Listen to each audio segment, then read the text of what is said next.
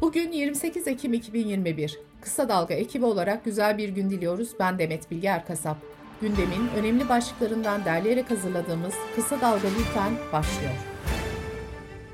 Cumhurbaşkanı Erdoğan, Azerbaycan dönüşünde uçakta yaptığı açıklamada, Osman Kavala'nın Avrupa İnsan Hakları Mahkemesi kararına rağmen tahliye edilmemesi halinde Avrupa Konseyi'nin Türkiye'yi ihraç etme ihtimaline ilişkin değerlendirmede bulundu.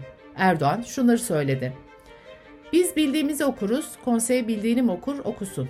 Avrupa İnsan Hakları Mahkemesi'nde konseyi de dinleriz. Dinledikten sonra da biz üzerimize düşeni yaparız. Gereği neyse bunu yapacağız. Ben Türkiye Cumhuriyeti'nin Cumhurbaşkanı olarak bu makamda bulunduğum sürece üzerime düşen görevi dört dörtlük yaparım. Benim aldığım terbiye bu, yetiştirme tarzım bu. Erdoğan partisinin haftalık grup toplantısında da konuştu. Erdoğan tezkere hayır diyen CHP'ye ve Kemal Kılıçdaroğlu'na yüklendi. Kılıçdaroğlu için HDP'nin emir eri dedi. AKP'nin grup toplantısında Kılıçdaroğlu'nun Çubuk'ta asker cenazesinde saldırıya uğradığı görüntüler izlettirildi. Videonun sonunda Kılıçdaroğlu hedef alınarak millete hesap verecektir denildi. Ve bu ifadenin kullanıldığı bölümde yine Kılıçdaroğlu'nun saldırıya uğradığı anlara ait görüntüler yer aldı. Kılıçdaroğlu Erdoğan'ın kendisini hedef alan ve saldırıya uğradığı anları paylaştığı videosuyla ilgili Sevgili şahsım, görüyorum ki muhalefet olmayı iyice kabullenmişsin. Oynatalım Uğur'cum siyasetinde sana başarılar diliyorum, dedi. İyi Parti lideri Meral Akşener partisinin grup toplantısında ekonomik sıkıntılardan söz ederken Türkiye'de paranın devlet eliyle aklandığını savundu. Akşener şöyle konuştu. Bu ucube sistemde iktidar diyor ki uyuşturucu mu satıyorsun getir paranı. Türkiye'den para mı kaçırdın getir paranı. Yüzde bir komisyonla paranı da seni de aklıyorum diyor. Çamaşır suyu reklamı değil AK Parti iktidarı. Mintaksla canım Mintaksla. Milli Eğitim Bakanı Mahmut Özer 5 yaşındaki çocuklara anaokullarının zorunlu hale getirilmesi için çalışmaların devam ettiğini belirtirken tüm planlarımızı ve bütçe yapılandırmalarımızı yapıyoruz açıklamasını yaptı. Rize'de her yıl can ve mal kayıplarına neden olan sel ve heyelan afetlerinin önüne geçilebilmesi için kent merkezindeki riskli 16 derede taşkın önleme projesi başlatıldı. Bu kapsamda dere yataklarındaki yapılar yıkılacak. Bültenimize COVID-19 gelişmeleriyle devam ediyoruz. Amerikan Gıda ve İlaç Dairesi'nin bilim insanlarından oluşan danışma heyeti 5-11 yaş arası çocuklar için BioNTech'in geliştirdiği koronavirüs aşısını tavsiye etti. Danışma komitesinin 18 üyesinden 17'si aşının ilkokul çağındaki çocuklara faydasının risklerinden daha ağır bastığı fikrinde buluştu. İlaç firması Merck'ün geliştirdiği Covid hapının ABD ve Avrupa'daki onay süreci devam ederken ön anlaşma yapan ülkelere Fransa da eklendi. Fransa onay çıkması halinde bu ilaçtan 50 bin doz alacak.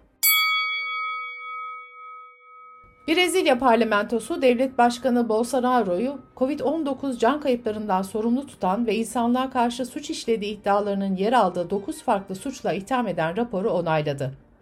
Rapordaki suçlamalarda Bolsonaro'nun COVID-19 pandemisini kötü yönettiği, aşı tedariki ve buna bağlı fırsatları değerlendirmediği ve ülkedeki yüksek COVID-19 ölümlerinde pay sahibi olduğu belirtildi. Sırada ekonomi haberleri var. Türk İş tarafından 34 yıldan bu yana her ay düzenli olarak yapılan açlık ve yoksulluk sınırı araştırmasının Ekim 2021 ayı sonucu açıklandı.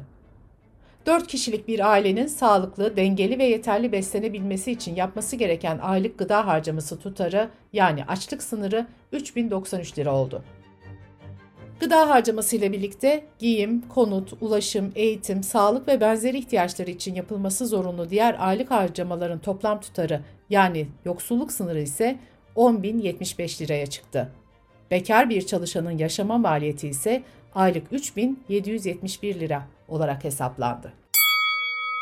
Çalışma ve Sosyal Güvenlik Bakanı Vedat Bilgin 11 ilacı daha SGK'nın geri ödeme listesine aldıklarını açıkladı. Bilgin bu ilaçlardan ikisinin yerli üretim olduğunu bildirdi. Döviz büroları zorunlu sermaye miktarlarındaki yüksek artış ve her türlü döviz işlemi sırasında kimlik tespiti zorunluluğu gibi hükümler içeren düzenlemeyi protesto etmek için bir dizi eylem kararı aldı. Döviz büroları 4 Kasım'da kepenk kapatacak. Cumhurbaşkanlığı yıllık programına göre kadınların iş gücüne katılım oranı 2020'de %3,5 geriledi. Programa göre kadınlar 2019'da iş gücüne %34,4 oranında katılırken 2020'de bu oran %30,9'a düştü. Gerilemenin gerekçesi olarak pandemi gösterildi. Dış politika ve dünyadan gelişmelerle devam ediyoruz. Amerika'da Temsilciler Meclisi'nin 11 üyesi Biden yönetimine gönderdikleri mektupta Türkiye'ye F-16 satılmaması için çağrıda bulundu. Vekiller olası bir satışın kongrede veto edileceğini savundu. ABD Başkanı Joe Biden'ın Ankara Büyükelçiliğine aday gösterdiği Jeff Flake, yapılan Senato Genel Kurulu'nda oy birliğiyle onaylandı. Cumhuriyetçi Parti'nin eski Arizona senatörü olan Flake, parti içinde eski ABD Başkanı Donald Trump'a karşı olan görüşleriyle dikkat çekmişti. Doğu Akdeniz'de Mısır ve İsrail ile işbirliğini geliştiren Fransa ve ABD ile savunma anlaşmalarını imza atan Yunanistan Başbakanı Mitsotakis, Türkiye'ye ittifaklarımızı kurduk, çizgilerimizi çok net şekilde çizdik mesajı verdi. Mitsotakis, Türkiye'yi deniz yetki alanları uyuşmazlığındaki agresif duruşuna son vermeye çağırdı. Yunanistan sahil güvenliği Sakız Adası yakınlarında mültecileri taşıyan bir botun alabora olması sonucu 4 kişinin yaşamını yitirdiğini açıkladı. Almanya'da Federal Meclis 26 Eylül'de yapılan seçimlerden sonra ilk oturumunu gerçekleştirdi. İlk günde yapılan meclis başkanlığı seçiminde Aydan Özoğuz başkan vekilliğine seçildi. Dünyanın en büyük fast food restoran zincirleri arasında gösterilen McDonald's, hak gaspları ve cinsel taciz vakalarıyla yeniden gündeme geldi. Amerika'daki McDonald's çalışanları salı günü cinsel taciz ve şiddete karşı iş bırakma eylemi yaptı. Bültenimizi kısa dalgadan bir öneriyle bitiriyoruz.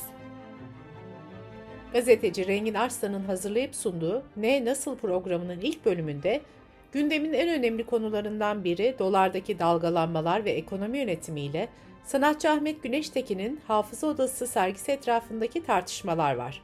Kısa Dalga.net adresimizden ve podcast platformlarından dinleyebilirsiniz.